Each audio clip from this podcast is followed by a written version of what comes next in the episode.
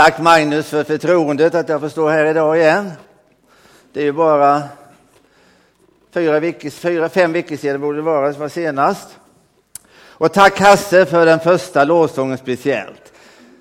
Jag har tänkt på den förra veckan att, att eh, när jag ska predika nästa gång borde vi sjunga den sången och så tar du den med en enda gång så att jag blir jätteglad. Det är bra med den helige Ande. Han vet ju allt och han, han vill leda och styra oss. Vi ber honom om hjälp så utför han det. Ska vi stilla oss och bedja innan jag eh, talar. Herre, vi tackar dig för förmånen att vi som ditt folk får komma tillsammans. Herre, vi tackar dig för att vi vet att när vi kommer tillsammans då har vi ett löfte om att du kommer vara mitt ibland oss. Det har du själv sagt och vi tror på dina löften att de är pålitliga. Herre, nu ber jag att du ska ta hand om mina tankar och min tunga så att jag kan förmedla någonting gott ifrån dig Jesus.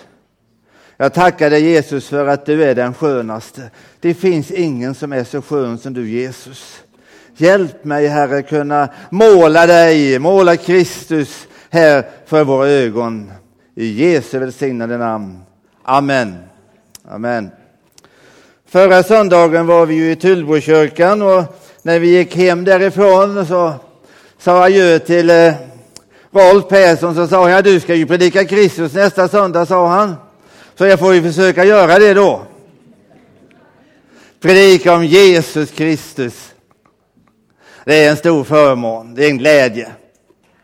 När jag predikade förra gången så då var det ju julhögtiden, det var sista söndagen före nyår. Då konstaterade vi att Jesus hade ett ärende när han kom hit till jorden. Han kom för att frälsa, erbjuda frälsning till människosläktet. Och idag tänkte jag att vi skulle lite stanna inför att eh, vad hade Jesus för arbetsprogram? Hur gick han tillväga för att nå människorna och erbjuda frälsning? För vi har ju ofta en strategi som vi följer. Och jag tycker att Herren har visat några enkla punkter som vi skulle stanna inför. Och punkt nummer ett det var det att han inbjöd till gemenskap.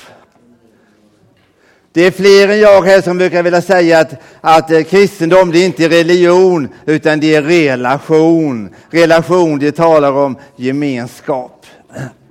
Jesus, när vi läser evangelierna så tycker jag mig finna att han var beredd att erbjuda gemenskap innan människorna hade kommit till tro på honom eller det hänt någonting med dem. Jag börjar med den välkända berättelsen från Lukas 19 som handlar om söndagsskoleberättelsen om Sackeus som klättrade upp i trädet. Han var liten till växten, han var ändå mindre än de barnen som är med här idag. Och eh, det var mycket folk som följde med Jesus. Men så kom han på en idé. Jag ser inte honom, men jag klättrar upp i trädet så kan jag se honom. Man hade ju inte räknat ut att när Jesus kom under trädet så tittade han ju upp och säger till honom, hör du Sackeus, nu får du skynda dig ner för att jag vill ha gemenskap med dig. Idag vill jag gästa ditt hus. Det står inte att Sackeus hade blivit troende, det står inte att han har blivit frälst eller någonting. Han satt i trädet, han var intresserad av att få lära känna Jesus. Och Jesus, han inbjuder honom till gemenskap. Jag kommer hem till dig så kan vi fika tillsammans, säger Jesus. Och så vet du vad som hände. Sackeus han, han upplevde ju en väldig omvändelse. Han säger att har jag tagit ut för mycket tull av någon, han var ju en tulltjänsteman, har jag tagit ut för mycket tull av någon så ger jag fyra dubbelt tillbaka. Vi kan ju slå upp och läsa så att eh, Lukas 19, ja. Sackeus han säger hälften av vad jag äger, Herre, ska jag ge åt de fattiga. Och har jag pressat ut pengar av någon ska jag betala igen det fyrdubbelt. Det tror jag inte Sackeus hade sagt det innan Jesus gästade honom. Men Jesus visste det. Skulle jag börja med att förmana honom och peka på, hör du Sackeus, du har varit oärlig ibland. Då hade, det, då hade han slutit till sitt hjärta, då hade det varit stängt. Men Jesus visste, vi börjar med gemenskap, vi börjar med kaffet. För några år sedan så hade vi kaffeservering före eftermiddagsmötena. Och egentligen var det ganska bibliskt. För Jesus han börjar med gemenskap, kaffet och sen kan han komma med undervisningen. Vi tar ett annat exempel, Johannes evangelium kapitel 1. Det berättas om att eh, Johannes döparen, han hade ju en del lärjungar likadant som Jesus hade. Och en dag så såg Johannes hur Jesus kom och gick där så sa han, se Guds lamm som borttager världens synd. Så hade han två lärjungar med sig hos sig och de blev intresserade. Vem kan det där vara? Så de började gå, och gå efter Jesus och säger, var bor du någonstans? Vad säger Jesus? Kom och se. Kom hem till mig. Vi kan bli kompisar. Jesus ställde inga krav på dem. Han bara bjöd hem dem. Och han blev, de blev ju Jesu lärjungar så småningom. Men han börjar inte med att tala om att ska ni bli mina lärjungar, då måste ni uppfylla det kravet och det kravet och det kravet. Ni måste hålla ett visst nu mått på, ni måste man, mannekängmått och sådär, ni vet i vissa uppgifter så, så det räcker inte med ålder, man ska ha rätt mått på kroppen också. Men Jesus, han ställer inte en sån massa krav, utan han är generös. Han börjar med gemenskap och visar jag älskar dig, jag är intresserad av dig, du betyder någonting, kom till mig. Johannes 4, då den välkända berättelsen som Matilda predikade, jag tror det var sist som predikade om, om kvinnan vid Sykarsbrunnen. En liten detalj där. I början av samtalet så säger Jesus, du kan väl ge mig lite vatten att dricka. Jesus var törstig, det var mitt på dagen, det var säkert varmt Han hade vandrat, han var trött av vandringen, stod han var törstig. Jag kan väl få lite vatten att dricka. Kvinnan blev väldigt förvånad. Hur kan du som en judisk man börja samtala med mig som en samaritisk kvinna och som inte lever kanske det mest perfekta livet heller. Jag kom ju hit mitt på dagen därför att jag skulle slippa träffa de andra människorna som ser snett på mig. Hon blir förvånad. Och så sa hon så småningom att du har ju inte så mycket som en skopa med dig. Hur, hur ska du få tag i vattnet? Jesus var alltså beredd på att dricka ur samma skopa som kvinnan. Och på den tiden ska jag säga, det var någonting om djupgemenskap. Det är det vi får göra här sedan i slutet av gudstjänsten. Vi delar samma kärl, dricker vin från samma kärl. Jesus, han var beredd att ha djupgemenskap med en kvinna som inte kände honom. Nu är han, nu är han speciell, Jesus. Så hade ju aldrig de andra andliga ledarskapet som fanns i Jerusalem på den tiden. De hade ju aldrig kört med det programmet som Jesus gjorde. Men vem var det som, var det som vann? 1-0 till Jesus. Halleluja! Han vinner ju alltid. Ingen är så skön som Jesus. Punkt nummer två. Jesus skämdes inte för de svaga och föraktade i samhället. Det var han också helt olik mot det religiösa ledarskapet. Tänk på Sackeus. Han var publikan. Vad står det här om eh, vad, när Jesus gick in till honom så säger när Jesus kom dit, ska vi se, eh, alla som såg det, de mumlade förargat, han har tagit in hos en syndare. Vad är han för en mästare? Han går och gästar hos en syndare. Men Jesus han var sådan. Han skämdes inte, varken för de som var små, var sjuka eller var föraktade. Även brottslingar fick vara tillsammans med honom. Vi kan ta, några mer, Eh, vi kan ta Matteus 9. Där står med en annan publikan som satt vid tullhuset och tog upp tullavgift. Han hette Matteus, ibland kallas han för Levi. När Jesus kom där och vandrade förbi så sa han Följ mig. Det var det enda han sa, han gav ett erbjudande. Han frågade inte, är du intresserad av att bli en kristen så kan du få följa med mig. Nej, han säger bara, följ mig. Och Matteus, han reste sig upp och följde med. Han hade säkert hört talas om Jesus, visste någonting, att han var en, en speciell man. Jesus gav ett erbjudande med en gång. Följ mig. Och eh, vi kan eh, se på Lukas 15. Det är ju det kapitlet som är det förlorades kapitel kan vi säga. Det talas om det förlorade fåret, förlorade penningen och den förlorade sonen. Men vad står det i första versen? Där står att alla tullindrivare och syndare sökte sig till Jesus för att höra honom. Fariseerna och de skriftledare förargade sig och sa, den mannen umgås med syndare och äter med dem. Det var likadant när Matteus följde med Jesus, gjorde han ett gästabud hemma, ett kalas. Och då stod fariseerna där och sa, vad är ni för några? Ni gästar syndare, äter med syndare. Det gjorde inte fariseerna och saddukeerna och det andliga ledarskapet där. Men Jesus, han drog sig inte för att umgås med vem som helst. Och vi kan ställa oss frågan, varför kom de till Jesus, det här packet? De som ingen annan ville ha med att göra. Varför kom de till Jesus? Ja, det fanns säkert någon orsak. Det var inte Jesus som tvingade dem på något sätt. Det var det ju inte. Men jag tror att eh, han började inte med att tillrättavisa dem.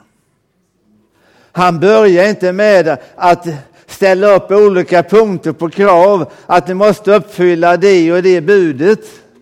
Utan han börjar med att erbjuda gemenskap. Så när vi kommer in i kyrkan här så är det svårt att komma in här på gudstjänsten utan att först få ta del av en och två och tre olika kramar från bland annat en del härliga kvinnor. Vi blir erbjudna gemenskap med en gång innan vi kommer in i, här i, i kyrkrummet ens. Som var Jesus, halleluja! Vi är på Jesuslinjen. Amen. Det är härligt att vara på Jesuslinjen. Jag tycker det är gott. Det är skönt att komma till och fira gudstjänst tillsammans. Ja, halleluja.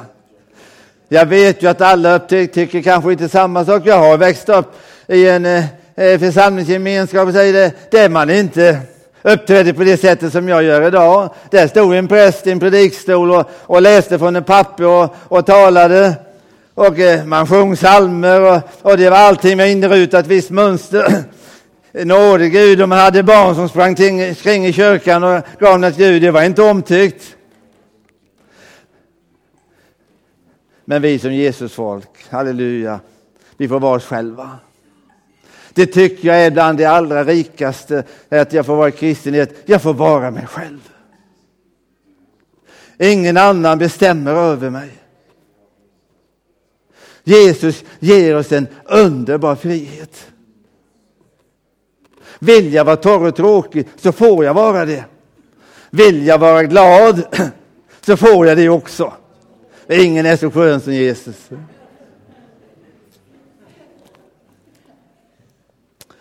Han börjar inte med att tillrättavisa förmana dem utan han inbjuder dem till gemenskap, kaffet först och sedan så kunde han tala till dem, undervisa dem, tala om Guds rike. Han börjar alltid med ett erbjudande. Jag kommer hem och gästar dig. Kom och se hur jag har det. Följ mig, säger han. Han ger olika erbjudanden beroende på vem vi är och vad vi har för behov. Punkt tre. Jesus, han vågade säga och avslöja sanningen. Han körde alltså med raka rör som vi brukar säga ibland.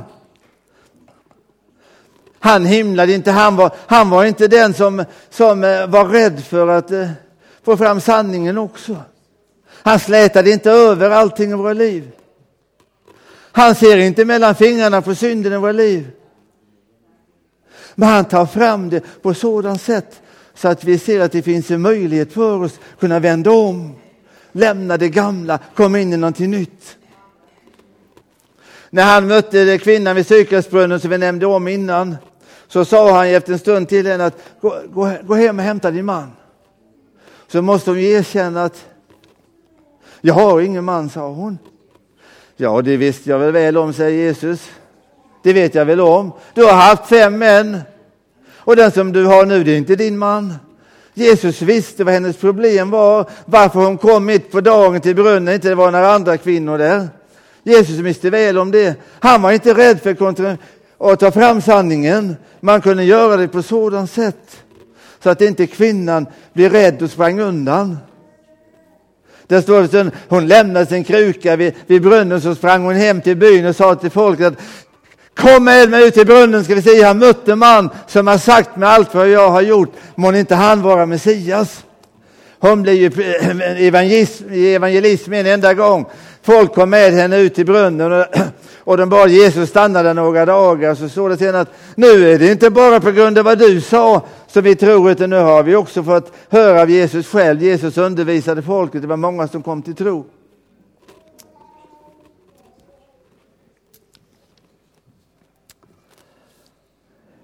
En gång eh, berättas det om en, en, eh, en ung rik man som kom till Jesus och sa, gode mästare, vad ska jag göra för att få evigt liv? Och eh, Jesus framhöll då med olika buden som man skulle hålla. Vi ska inte dräpa, vi ska inte stjäla, vi ska äktenskapsbrott och olika bud. Så säger ja det där har jag ju hållit. Det där har jag hållit den från barndomen, eller hur han sa. Men så säger Jesus, ett fattas dig. Om du vill bli fullkomlig, så sälj allt vad du äger och ge till de fattiga. Kom sedan och följ mig.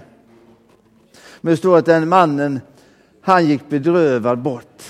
Han hade mycket pengar och han var inte villig att lämna dem. Då ska vi bara konstatera det. Pengar, det är inget hinder i Guds rike. Det är ju pengar är ju istället en tillgång. Vi tog ju upp en kollekt för en stund sedan, vi kallade det kollekt eller offer. Det är ju en viktig del av gudstjänsten. Jag är övertygad om att eh, Magnus kommer inte protestera om det kommer en som är både miljonär och mångmiljonär och som säger att jag skulle vilja bli döpt och komma med som medlem i församlingen. Då blir det väl ingen opposition. Magnus inte säger det att, du måste göra av med pengarna först. Nej, nej, de kan vi ta hand om och förvalta. Vi har ju en bra kassör. Var sitter han? Han är där ute nu, sant idag. Är inte det problem med pengarna, om det finns pengar. Men däremot, om pengarna börjar äga dig. Vi får gärna äga pengar. Det står ingenstans i Bibeln att vi inte får äga pengar. Istället är det ju så att till exempel Abraham som var den som är stamfar till judafolket, han var ganska förmögen. David och Salomo de skaffade på sig en hel del ägodelar också. Som det var en skogsägare för några år sedan. Jag sa att ni har väl en del skogsgårdar. Ja, det har blivit så att vi har samlat på oss en del skogsgårdar, sa han. Det var precis som de bara ramlat på honom. En av de största miljonaffärerna här i Falkenbergs kommun. Det är inga problem. Vi får gärna ha pengar. Men om pengarna äger oss och binder oss och styr oss, då kan det bli problem i våra liv.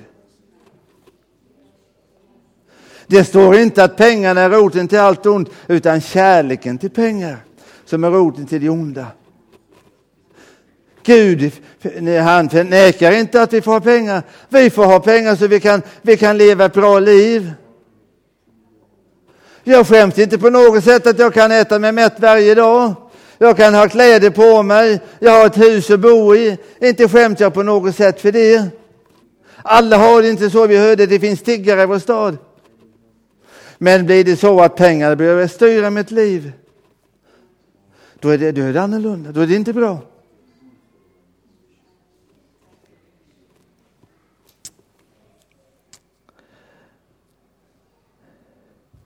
Jesus avslöjade sanningen för den mannens liv. Han framhöll att han har hållit buden, men det kom fram att han var, han var kär i pengarna.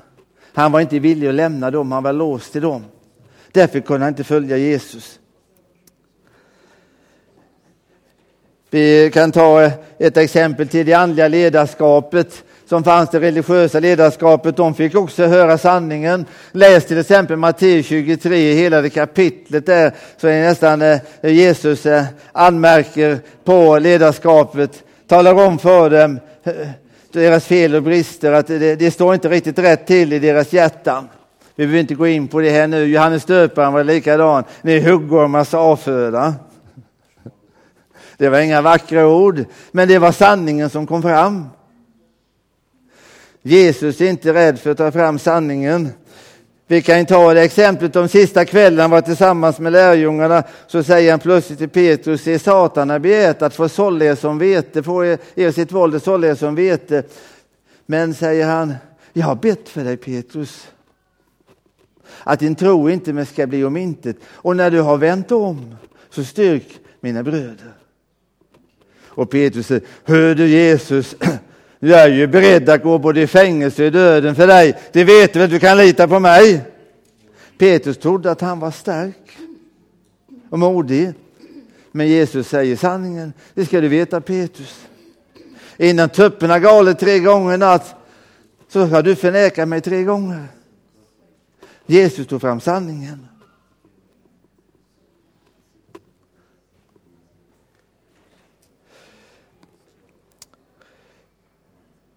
En fjärde punkt ska vi ta också. Jesus, han var generös med förlåtelse. Det är väl en av de, de allra bästa och viktigaste punkterna. Jesus, han var generös med förlåtelse. Vi tar den välkända söndagsskoleberättelsen om den lame mannen som kom på en bår, fyra män som bar en lam man på bår till Jesus. Och det var så mycket folk så de kom inte in genom dörren, gick upp på taket och, och plockade undan tegelstenar, sänkte ner honom på båren framför Jesus. Det syntes ju klart och tydligt hans behov. Med mänskliga ögon så var ju det att han ville uppleva ett helande under. Han behövde få kraft att kunna gå och stå. Men Jesus han börjar med att säga att dina synder är dig förlåtna. Jesus börjar med att ge förlåtelse för synderna. Han gav honom ett inre helande först. Sedan fick han också uppleva yttre helande. Han sa till honom, stå upp och gå, ta din bädd och gå hem. Må bra och prisa Gud och må bra. Jesus satte inte några som helst krav på honom, frågade inte, har du tro för att jag ska hela dig? Är du intresserad av att bli min lärjunge? Vill du bli frälst? Nej, Jesus sa dina synder är dig förlåtna. Sen sa han, stå upp, ta din bädd och gå hem, må bra, prisa Gud om du vill. Det berättas i Lukas 7 i slutet av kapitlet där om eh, det var en farisé som bjöd hem Jesus på gästabud. Och så var, fanns det i staden där en som kallades en synderska. Och eh, hon hörde att Jesus var där så gick hon dit också. Hon var inte bjuden men gick dit ändå. Stannade vi bakom Jesus och hon grät. Hennes tårar droppade på hans fötter och så torkade hon med sitt långa hår. Hon hade en flaska med vad det balsam och smörja med sig och smorde henne, hans fötter. Och den där eh, Simon, farisén, han tänkte det om Jesus verkligen var en profet, då skulle han ju veta vad det var för en kvinna som är där vid hans fötter. Jesus visste ju mycket väl vem hon var. Även om inte han kände henne personligt så i, den, i anden så visste han ju vem hon var. Och det är mycket möjligt att det syntes på henne också, det vågar jag inte säga. Men i slutet på, på kapitlet där, för jag stod en kort, så står det att Jesus säger till henne, dina synder är förlåtna. Jesus gav full och fri förlåtelse utan några som helst villkor. Det är det som är så fantastiskt. Att Jesus, han ställer inte upp villkor på oss som vi måste uppfylla, utan han är villig att ge förlåtelse ändå.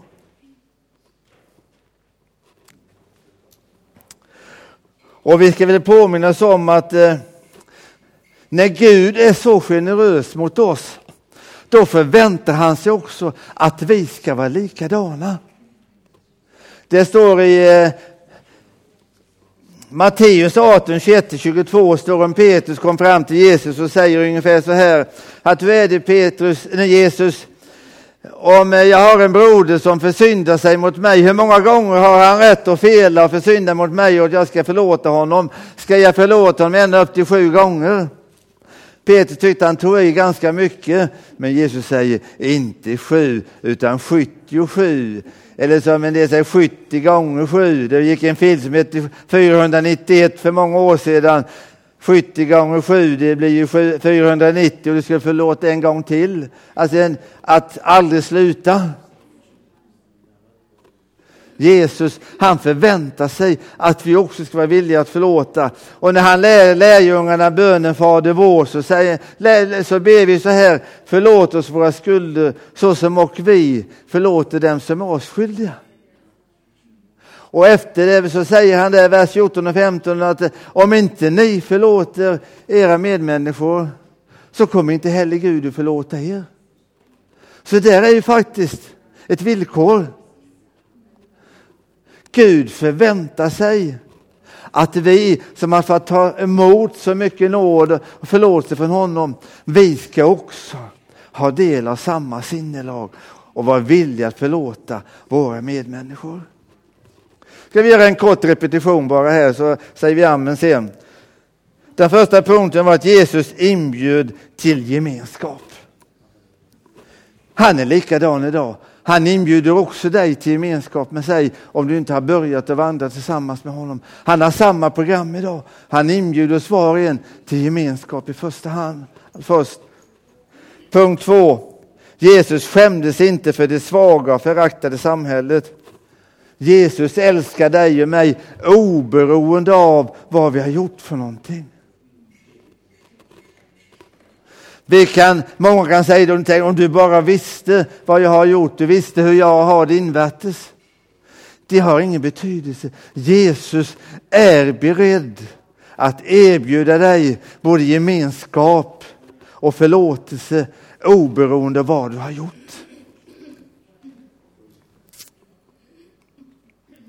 Jesus han avslöjade sanningen. Han, sa, han känner dig helt igenom. Men han fortsätter ändå att älska dig. Halleluja! Fast han vet att vi inte är perfekta så vill han ändå fortsätta att älska oss. Och han är fjärde punkten, han var generös med förlåtelse. Tack och lov, han är likadan idag. Och han förväntar sig också att vi ska vara generösa mot varandra. Amen. Herre, jag tackar dig för att vi har evangeliet, vi kan läsa om när du vandrade på jorden, hur du bemötte människor. Heligande, jag ber att du ska visa mig hur jag ska bemöta mina medmänniskor så att jag kan hjälpa dem att se dig, finna dig och få komma till dig och ta emot av ditt liv. I Jesu välsignade namn. Amen.